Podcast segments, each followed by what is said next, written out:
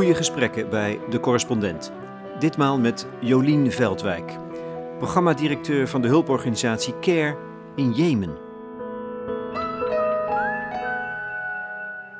Paar jaar geleden hadden ze gewoon nog een baan. Die mensen in Hodeida, waar ik ben, ja, die hadden gewoon een eigen uh, bananenplantages, een eigen mango-boerderijen. Maar omdat ze dus gewoon zo door de oorlog zo getroffen zijn, moesten ze gewoon als copingmechanisme om te overleven hun land verkopen. En werken ze nu als, ja, als gastarbeiders voor minder dan een halve dollar per dag. Nou, dat is natuurlijk verschrikkelijk, want het waren hun eigen, eigen bomen die ze hebben laten groeien, die ze hebben verzorgd. En dan in de afgelopen paar jaar zijn, zijn, zijn ze helemaal hun, is hun inkomen tot bijna onder de nul gekomen. Ja, dan, dan, verkoop je je ziel, denk ik. Ja, ja, absoluut. Ja. Ja. Dan verkopen ze, hebben ze hun ziel verkocht. Om te en overleven. om te overleven, ja. Ja, en dan moeten ze met hun kinderen, die dan niet meer naar school kunnen, voor, een onder een, voor minder dan een half dollar per dag werken. Keihard werken in hete zon. Ja, en ik zie hoe ze wonen en hoe ze zwaar ze het hebben. Dat, uh, dat er geen kliniek in de buurt is om als er cholera is uh, uh, medicatie op te halen. Want mensen hoeven niet dood te gaan aan cholera.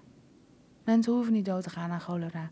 Maar toch hebben we, zijn er heel veel mensen overleden aan cholera. Omdat er gewoon niet hulp genoeg in de buurt was, omdat ze al ondervoed waren.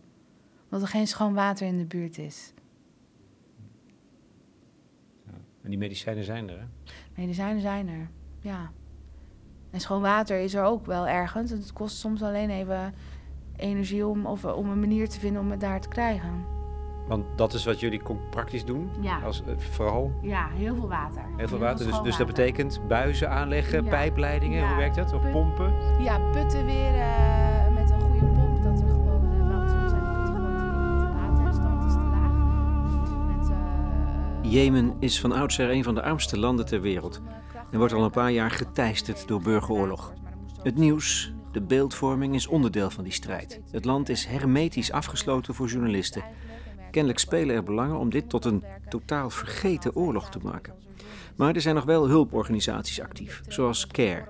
Jolien Veldwijk, van huis uit antropologe, is gestationeerd in het land voor deze organisatie en nu even over in Nederland voor een kort verlof. Hoe voelt dat?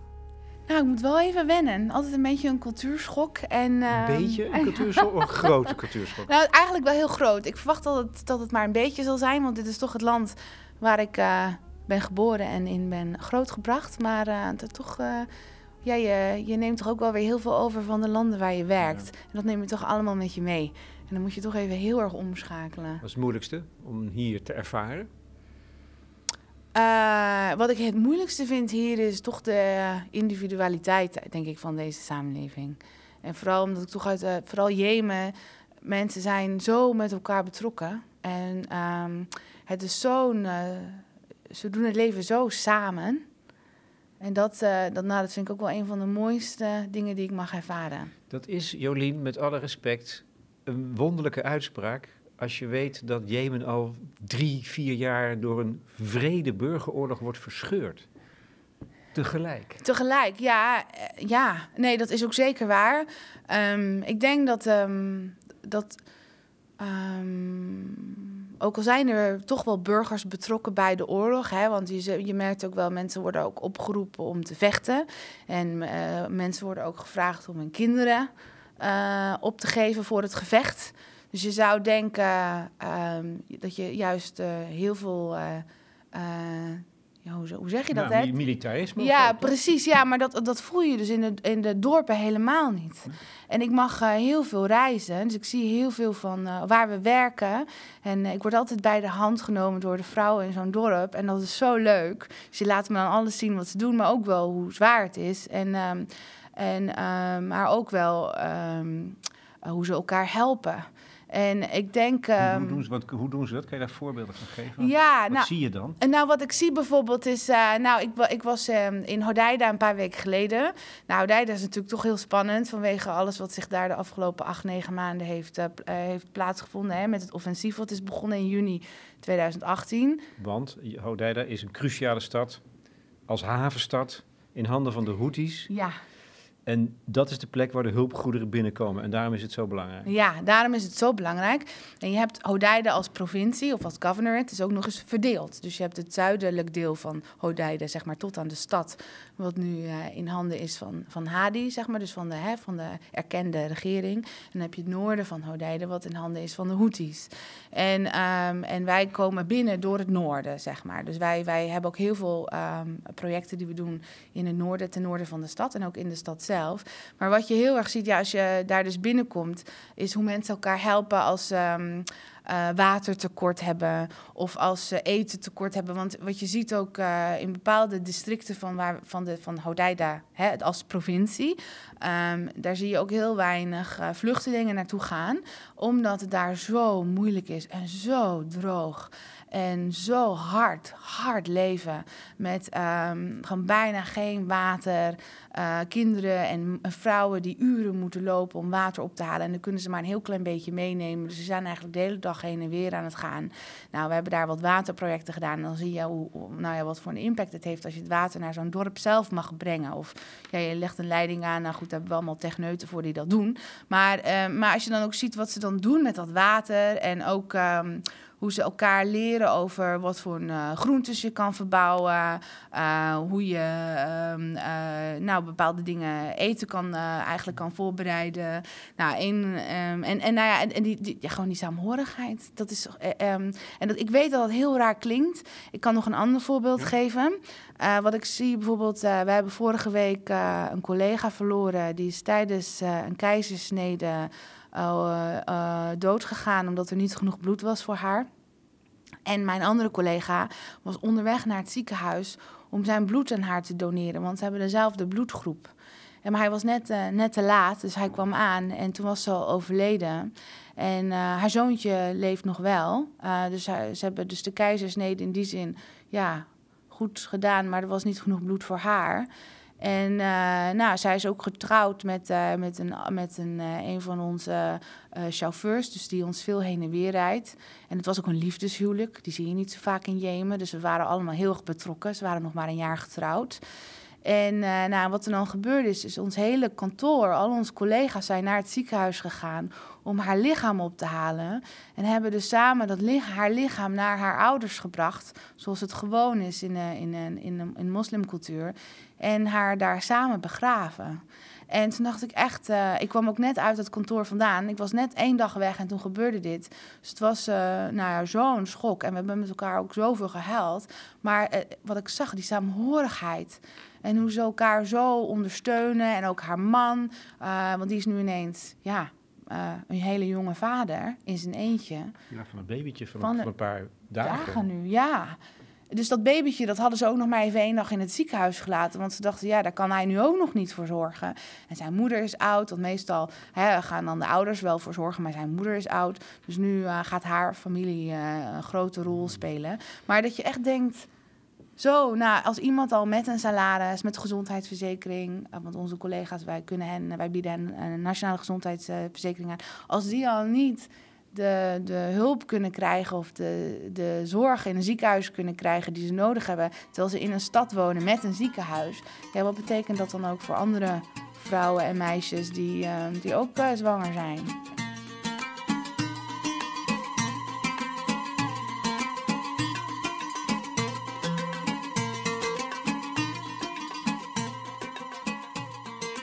Saamhorigheid in een verscheurd land. Waar we verder zo weinig van weten, bitter weinig. Er zijn verschillende frontlinies. De belangrijkste is die tussen Zuid en Noord. In het zuiden zit de officiële regering van Hadi, gesteund door de Saoedi's. Het noorden is in handen van de Houthis, die in opstand zijn gekomen en naar verluid gesteund worden door Iran.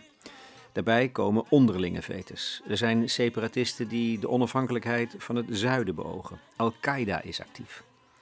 Enzovoorts. Collega Lennart Hofman is een van de weinige journalisten die het land überhaupt nog zijn binnengekomen.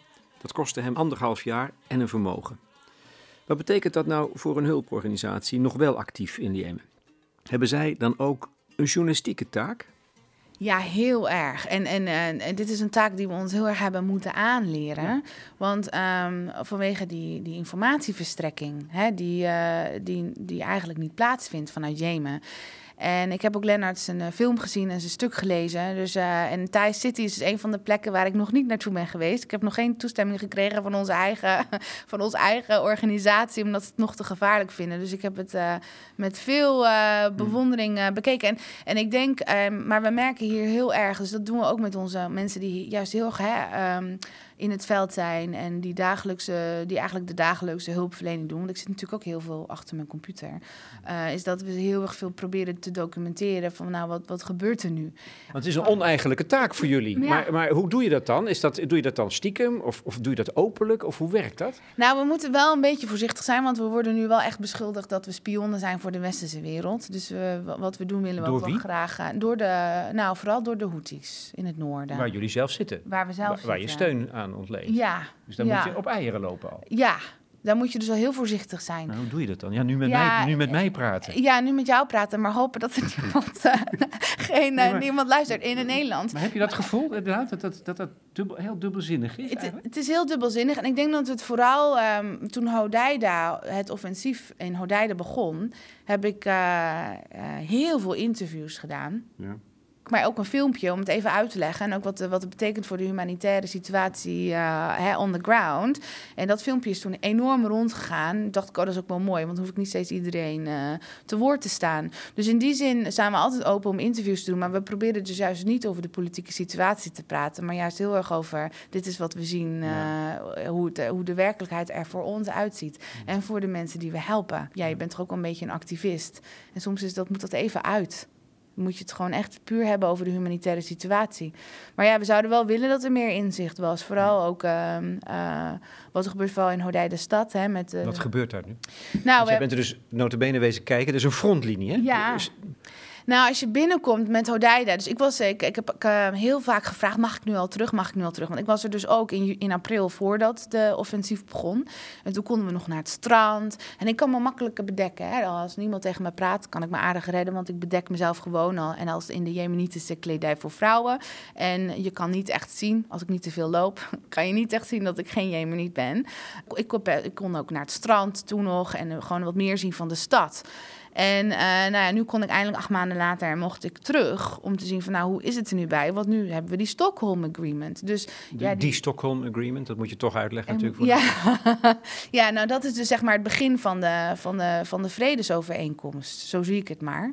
En dus dat zou inhouden is dat dus de, de, de vechtende partijen rondom Hodeida zich terugtrekken. eh, waardoor mensen weer terug naar huis kunnen. En, waar, en die haven een ademruimte krijgt. En er gewoon weer goederen. Nou, die goederen gaan nog wel een beetje door de haven. Maar waardoor die haven gewoon weer op volle 100% kan opereren. En dan onder toezicht van de VN. Nou, dat is nog eh, eh, de, de, de operationalisatie, zoals ik dat dan zeg, van die Stockholm Agreement. Die is nog niet helemaal begonnen. Dus daar wachten we nu af. De VN begint daar nu zijn missie en die moet dat gaan monitoren. Hè? Dus de, de, de implementatie van de Stockholm Agreement. En eh, dus ik had gehoopt, nou ja, we hebben, we hebben plannen gemaakt. We verwachten 350.000 mensen die weer terugkeren. En die mensen hebben niks meer. Alles wat ze ooit hadden überhaupt, aan geld of aan, aan, aan, aan eh, copingmechanismen, is allemaal op. Is allemaal weg. Waar zitten zij? Nou, die zitten nu echt in, eh, in provincies eromheen. Dus echt in, maar ook in het zuiden, in Aden. ehm, in, ook in het noorden, in Hadja, in de bergen, Magwiet. ehm, eh, dus, dus die zitten overal. Maar zie, kom je dan in een lege stad? Ja, nou, dus je komt de weg dus aan. Dus je rijdt over de weg. En de, zeg maar ongeveer zeven kilometer voordat je de stad binnenrijdt... zie je echt dat die weg eh, structuur, of systematisch... nou, laten we zeggen, elke 500 meter is opgebroken. En dan kun je echt zien dat de, de Houthis hebben zich daar, hadden zich daar ingegraven. Ze hadden zich ingegraven ook aan de zijkant van de weg. Eh, je ziet bergen met zand waar de landmijnen nog in zitten. En wij rijden daar zeg maar tussendoor. En dan kom je de stad binnen. Nou, de stad is alweer wat drukker. Eh, er zijn weer al wel wat Ja. mensen weer teruggekomen, maar niet overal. En sommige wegen, je hebt nog steeds containers vol met explosieven in de stad. En die containers, die zijn allemaal heel leuk geschilderd. Eh, dus ik kwam echt binnen. Ik zei, oh leuk, beetje graffiti. Dat was een beetje mijn eerste reactie. Oh, en een beetje kunst. En wat bijzonder dat dat hier toch nog kan. Maar dan ga je toch kijken. En het was allemaal, eh, oh, USA kills Yemenis en zo. Dus ik ga even kijken naar wat ze nou hebben opgeschreven in leuk rood met geel en oranje. En, eh, en dat was natuurlijk ja, best wel schadelijke slogans. Dus, dus en, dan, en, dan, eh, en dan zie je ook wel dat delen zeg maar, waar ons kantoor is, is ook. ehm, uh, aan het einde van de straat was ook een actieve frontlinie. Dus je ziet heel veel kapotgeschoten muren, uh, waar de airstrikes zijn gekomen, dus de bommen uit de lucht, uh, die vernietiging die zij hebben aangericht.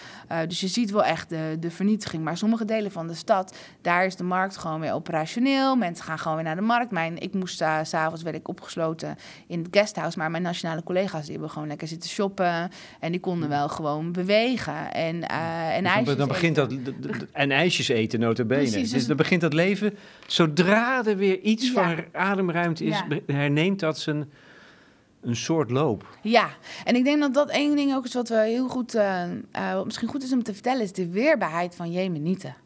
Want natuurlijk is het conflict geëscaleerd in 2015. Echt zo erg als we denk ik niet hadden verwacht. Maar er, was, er is natuurlijk in Jemen altijd wel van alles aan het rommelen geweest. En zo. En, ook in, um, in, in het verleden. En er is altijd heel veel armoede geweest. Jemen is altijd een heel erg arm land geweest.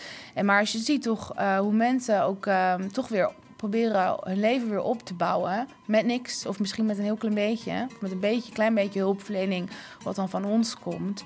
Um, en dat ze gewoon toch door willen blijven gaan. Uh, nou dat, dat is ook wel weer heel bemoedigend. Ja, het klinkt misschien een beetje raar. Maar um, het is toch ook wel weer heel bijzonder.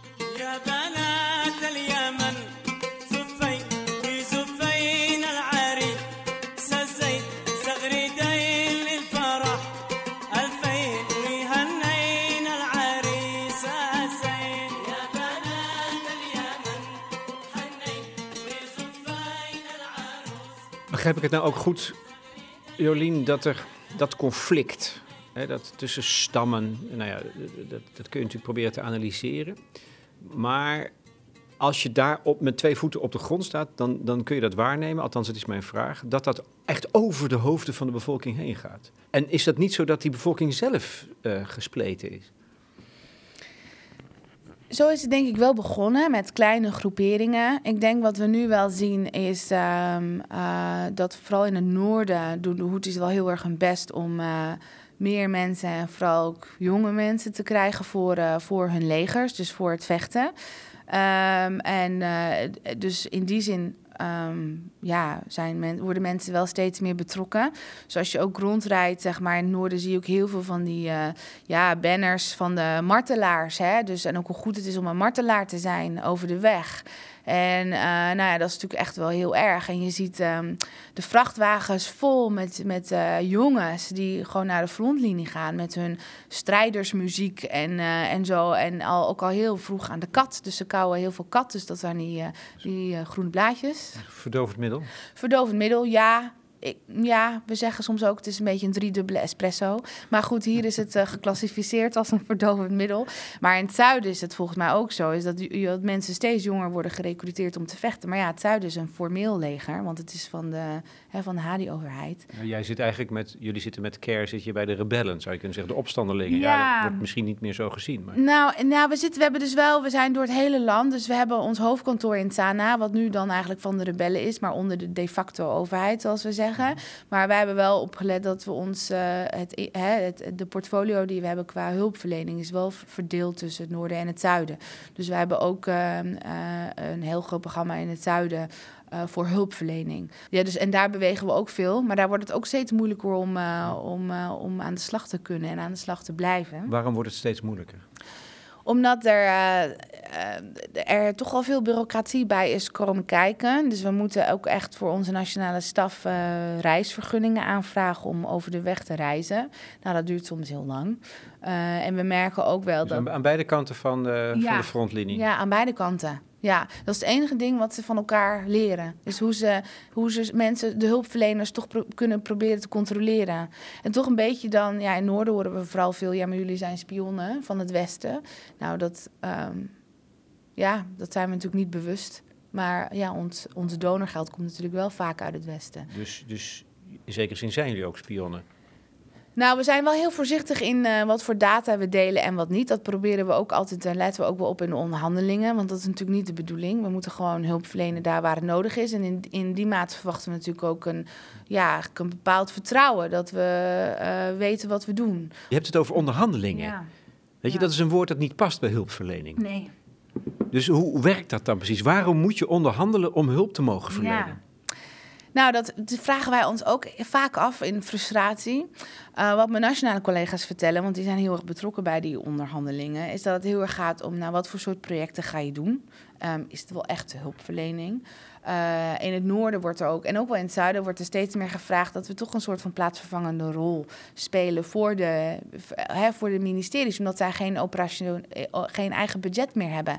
Dus dan wordt er toch veel aan ons gevraagd van, oh ja, maar als jullie dan een, een cashprogramma doen, dus een geldprogramma waarbij we mensen zeg maar een tijdelijk salaris geven in ruil voor activiteiten zoals het herbouwen van wegen of scholen, dus dan wordt er toch al vaak gevraagd, oh ja, maar kunnen jullie dan even niet die, die weg doen, want die, um, weet je wel, dus dat ze heel erg willen bepalen wat we dan precies gaan doen, omdat ze zelf geen eigen budget meer hebben.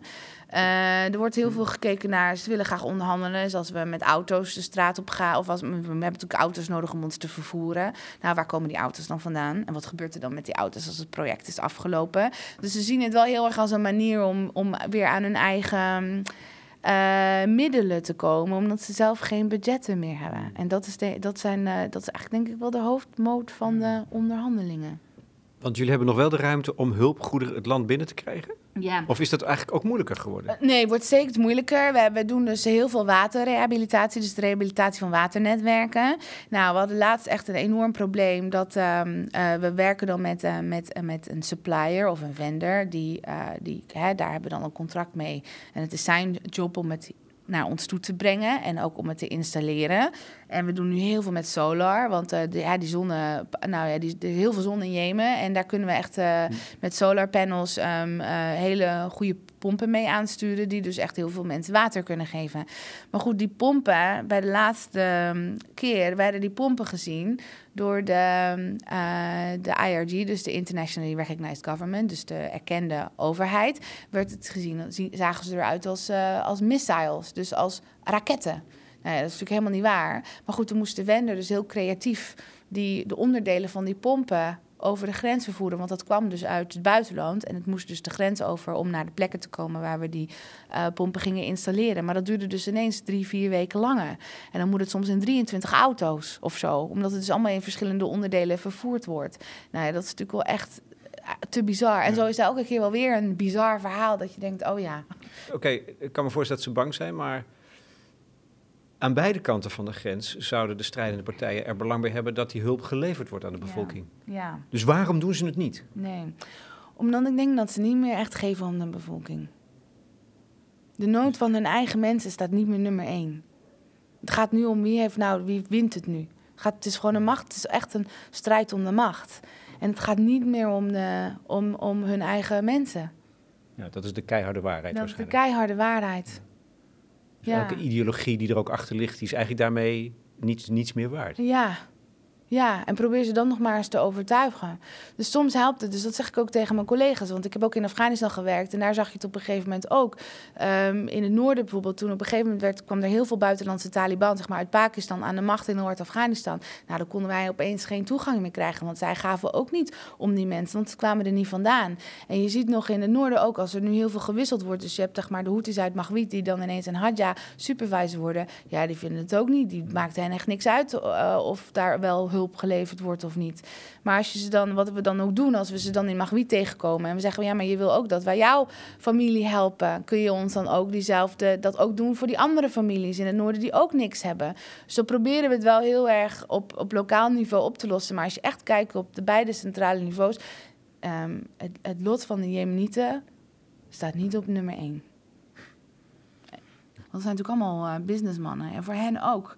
Ja, op een gegeven moment is de, de dollar of het geld dan toch belangrijker dan de nood van hun eigen mensen. Ja, ik kan daar niet bij.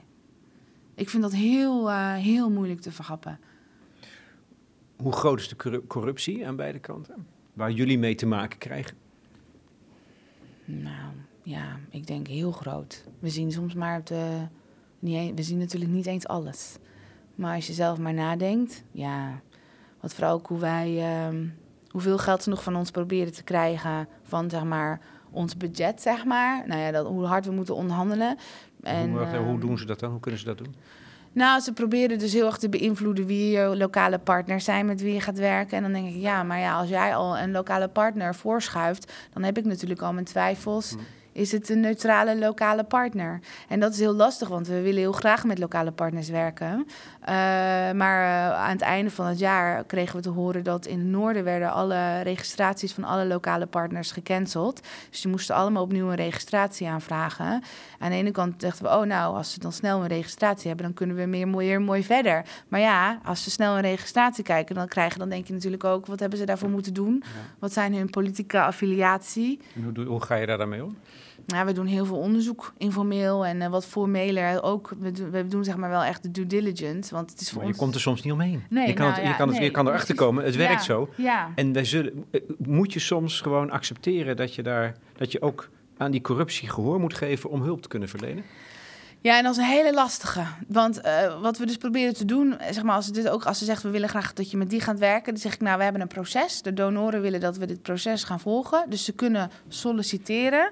En dan maak, maar we moeten het proces volgen. En als ze daar dan niet aan voldoen, dan kunnen we ze niet kiezen. Mm. Dus alles, we gooien alles zeg maar, op een proces. En op, uh, op, uh, op dat wij ook verantwoordelijk zijn aan. En dan is de grotere macht de donoren. Uh, en dus dat we dat dus heel erg eigenlijk gebruiken om, om zoveel mogelijk aan de humanitaire principes te blijven voldoen. Want op een gegeven moment kregen we dus ook, kwamen we er ook achter dat als je lijsten gebruikt van de lokale overheid, dat die lijsten gewoon gebruikt waren om. Um, Um, uh, voor forced recruitment. Dus om, uh, om uh, mensen te pushen. Zo van, nou, jullie mogen op die lijst. Maar dan moet je wel even je twee zoons naar de front, frontlinie sturen. Nou ja, goed, dat kan natuurlijk niet. Dus wij verifiëren ook alles. En we het liefst maken onze eigen lijsten van beneficiaries. Zodat we echt zeker weten, de mensen die, aan wie we de hulp geven, hebben het ook het meeste nodig. En dat we niet toegeven. Want de humanitaire principes, als we die niet kunnen volgen, kunnen we dan nog wel met een schoon geweten hulpverlening doen? En moeten we dan nog wel doorgaan? Komt die grens in zicht voor jou? Soms wel, ja. Maar, um, uh, maar um, tot zover is mijn geweten nog schoon.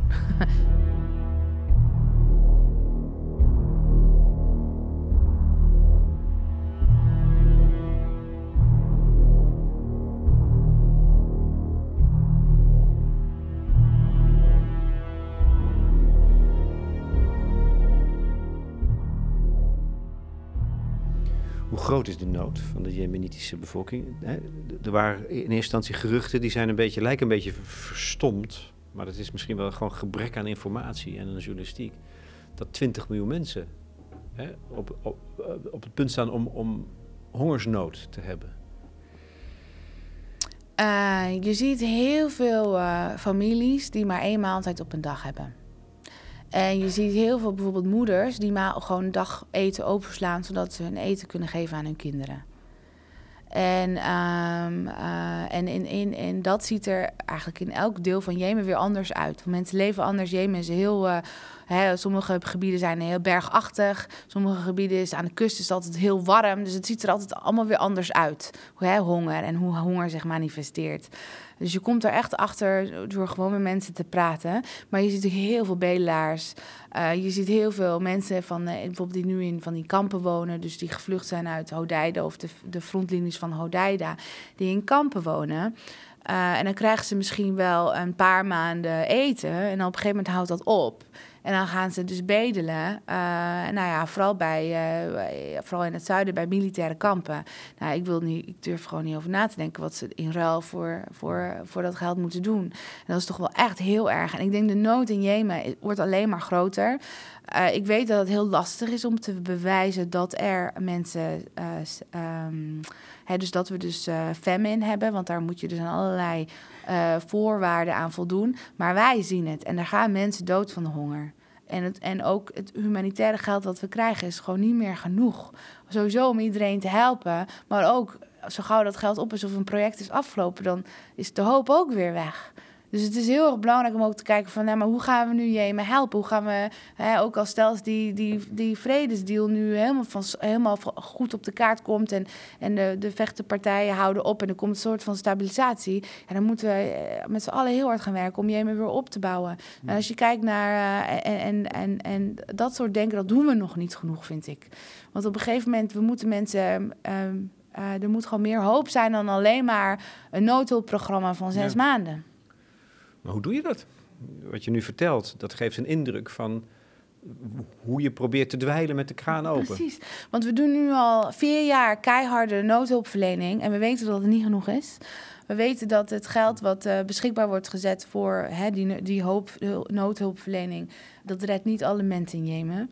En ik denk dat het dus daarom ook wel vraagt om een andere aanpak. En dat we dus ook heel weer gaan kijken, ja, maar hoe deden we dat ook alweer voor? En wat, zijn, wat waren de oorzaken van de hongersnood in Jemen voordat de oorlog begon? En uh, dus ik denk dat we ook heel erg weer moeten gaan kijken, wat gaan we doen met de boeren? En hoe gaan we mensen weer helpen om hun eigen land te verbouwen?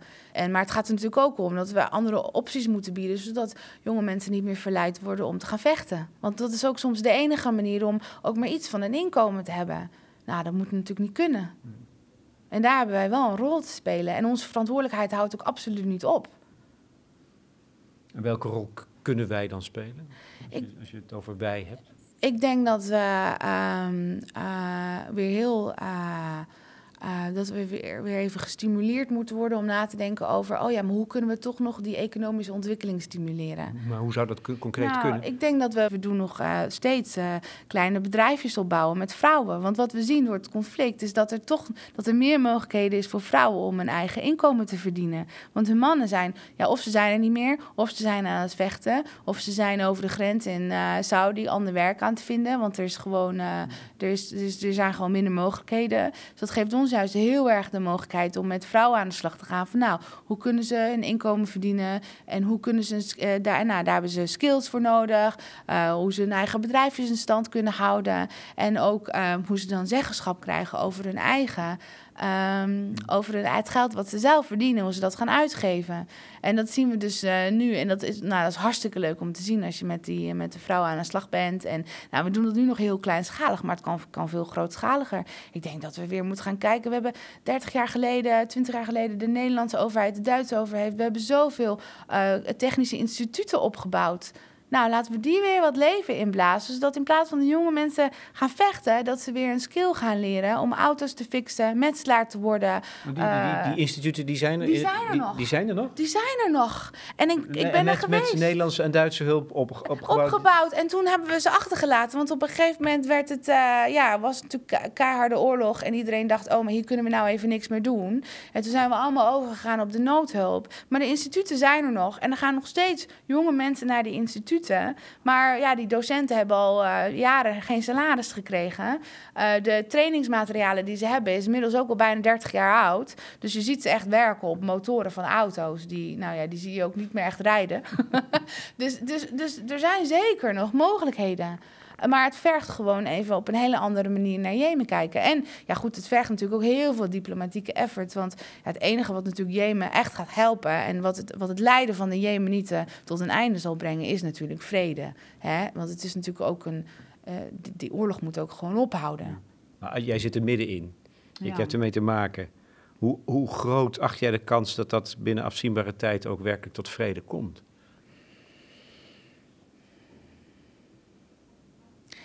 Ja, ik denk er even goed ja, over na. Nou, inderdaad, want ik vind dat ook een hele pijnlijke vraag.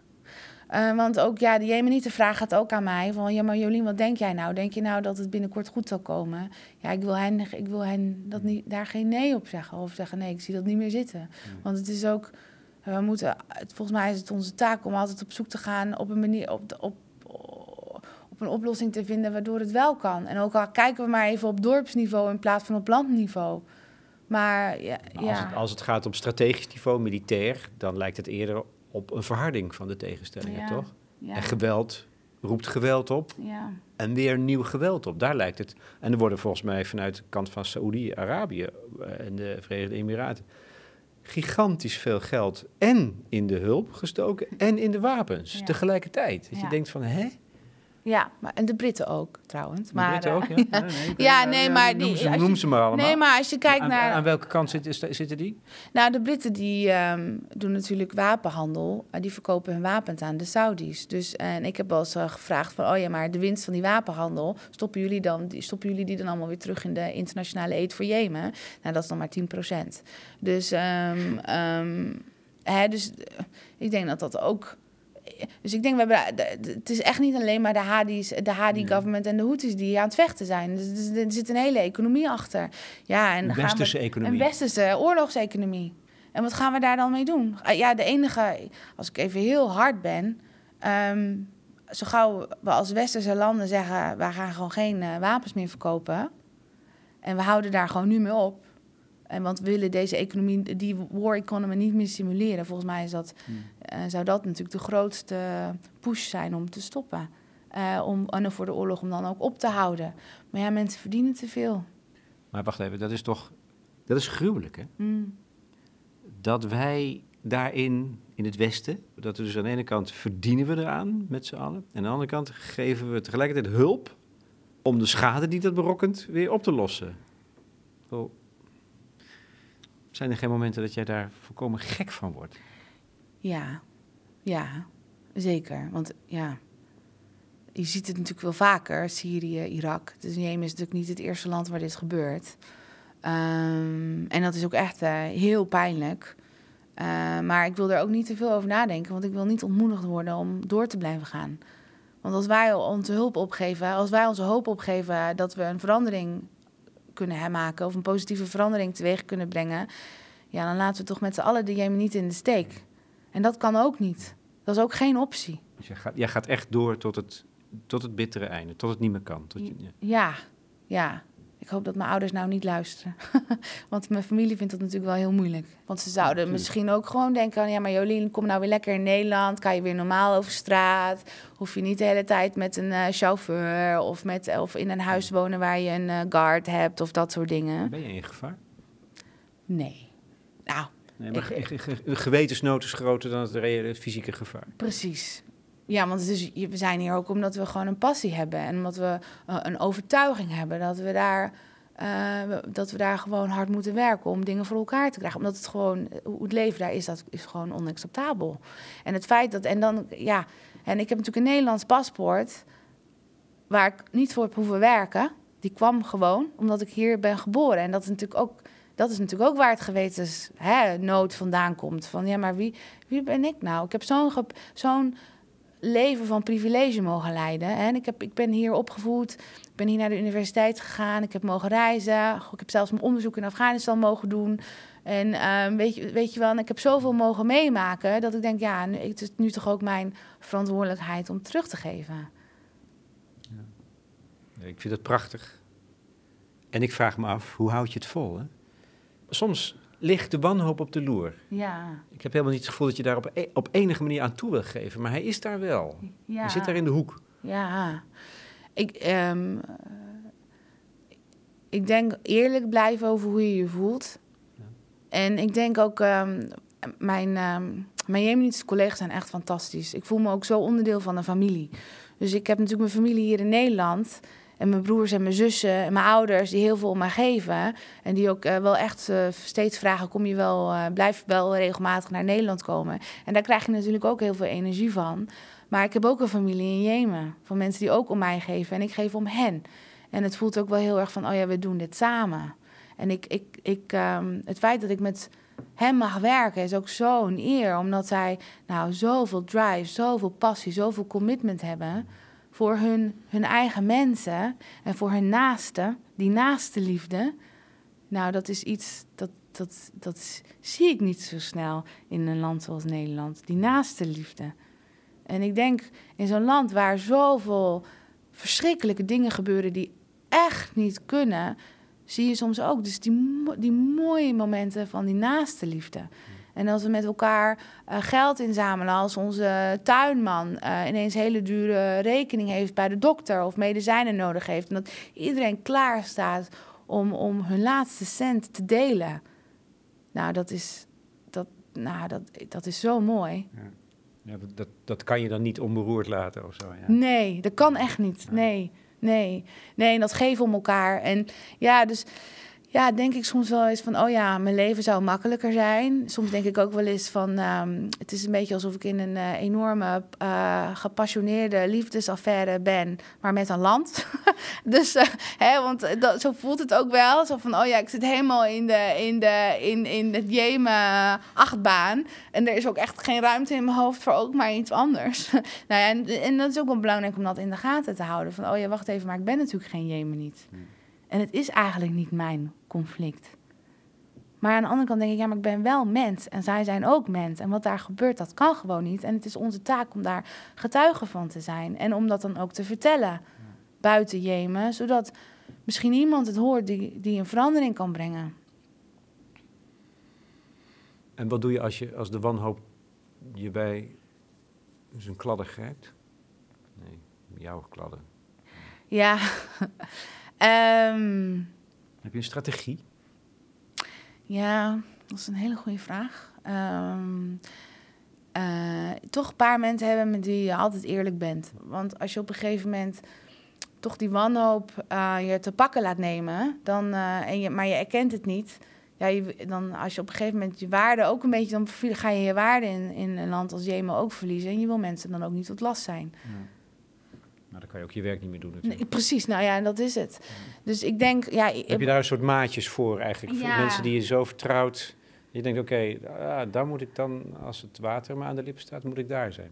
Je maatjes en uh, ook veel toch wel momenten hebben van stilte. Ja? Dus dat je toch even, even reflectie doet. En uh, een soort van, uh, ja, ik probeerde altijd, de afgelopen tijd echt niet gelukt, maar even vijf minuten per dag zo van, oh ja, wacht even, wie ben ik ook alweer? En waarom ben ik ook alweer hier? En wat, wie ben ik nou? Waar grond ik me in? En, uh, hoe... Is dat een soort bidden? Ja, eigenlijk wel. Ja. Ben je religieus? Hè? Nou, je gebruikte net een paar keer het woord naaste liefde. Ja. Wat, een zeer, wat ik een zeer christelijke, christelijk begrip vind. Ik weet niet of, dat, of het dat ook is voor jou. Maar... Nou, misschien ooit in de oorsprong. Maar um, dus ik zou zeggen, ik weet niet of ik... Ik zou mezelf niet religieus noemen, want ik ga niet naar de kerk. Uh, maar wel in die zin spiritueel, dat ik denk, uh, wij zijn allemaal onderdeel van iets groters en we hebben allemaal een rol te spelen. In die zin, ja, en naast de liefde, ik denk als je in zo'n land werkt als Jemen, maar ook Afghanistan of in Soedan of Zuid, en ik heb heel veel landen, in heel veel landen mogen werken en van heel veel culturen onderdeel mogen zijn. Ik vind hoe mensen voor elkaar zorgen, nou, dat vind ik zo mooi. En daar haal ik ook heel veel energie uit. En dat ik daar een onderdeel mag zijn. En als ik ziek ben, dat, ik, dat iedereen dan ook voor mij zorgt. Nou, dat is ja, gewoon heel mooi. ja. Een liefdesrelatie met een land. Ja, eigenlijk wel. Heel gepassioneerd. met heel veel ups en soms ook downs. Ja, ja. Het is geen makkelijke minnaar. nee, nee absoluut niet. Nee.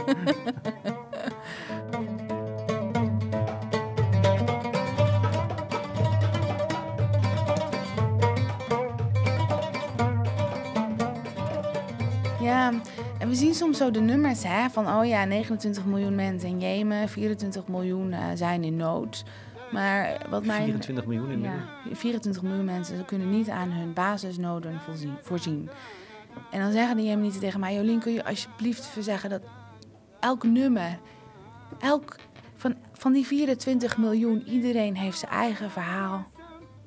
Het zijn allemaal mensen, het zijn geen nummers.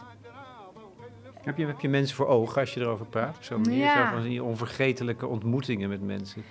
Ja, ik heb, dan, ik heb dan eh, een, een, eh, mevrouw voor ogen die mij zag en die meteen mij bij de hand greep en zei: Ik wil je alles laten zien. En ze zat me in Arabisch te vertellen en ik kon het een heel klein beetje volgen. Ik ben echt niet goed in Arabisch hoor.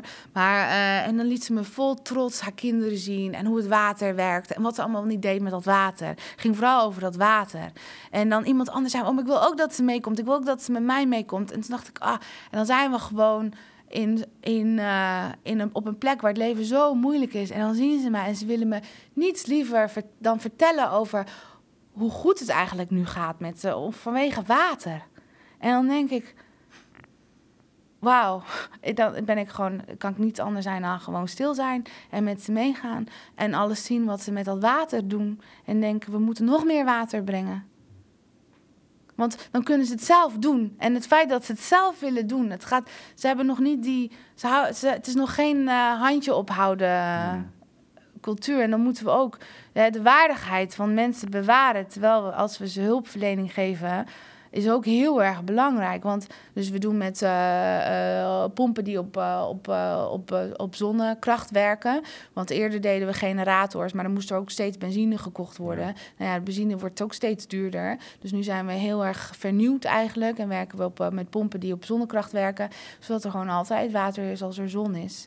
met zonnepanelen. En dan trainen we zo'n dorp, hoe ga je daarmee om? Hoe doe je de, de, de, de maintenance als er iets kapot gaat? Dus dan leren ze ook iets. En dat is, nou, daar, daar zijn ze zo dankbaar voor. Uh, om niet alleen maar iets te ontvangen, maar ook iets te leren. Ja. En dat dan verder te brengen, want dat brengt hoop. Dat brengt hoop.